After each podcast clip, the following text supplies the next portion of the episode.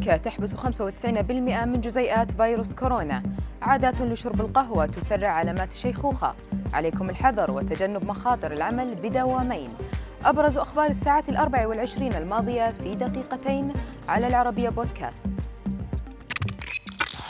ضمن سلسلة البحث عن حلول جديدة لمكافحة فيروس كورونا والحد من انتقاله باحثون من جامعة بنسلفانيا طوروا علكة تجريبية.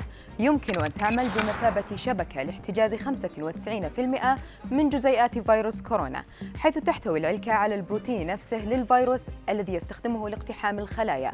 وبالتالي تستخدم تلك العلكة السلاح ذاته في محاربة جزيئات كورونا في اللعاب وتساعد في وقف انتقال العدوى عندما يتحدث المصابون أو يتنفسون أو يسعلون. يلجأ كثيرون إلى استخدام طرق عدة للإبطاء من ظهور علامات التقدم في السن. لكن دراسة جديدة نشرها موقع Eat This Not That وجدت عادات شائعة يومية تساهم في تسريع الشيخوخة. فخبيرة تغذية أمريكية قالت إن بعض العادات السيئة في تناول القهوة كتوقيت وطريقة تناولها يمكن أن تساهم في التعجيل بمظاهر التقدم في السن.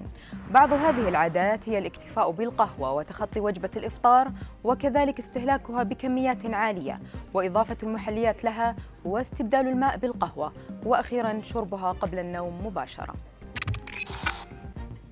مع كثرة متطلبات والتزامات الحياة يجد البعض أنفسهم مضطرين للعمل بدوامات متعددة وأوقات غير منظمة.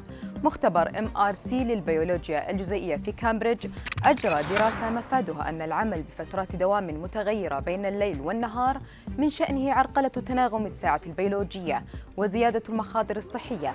لذلك تنصح الدراسة بمحاولة أن تكون الساعة البيولوجية متزامنة ومتناغمة لأبعد حد واتباع روتين يومي يتضمن النوم أثناء الليل والعمل أثناء النهار وتناول الطعام الصحي والرياضة.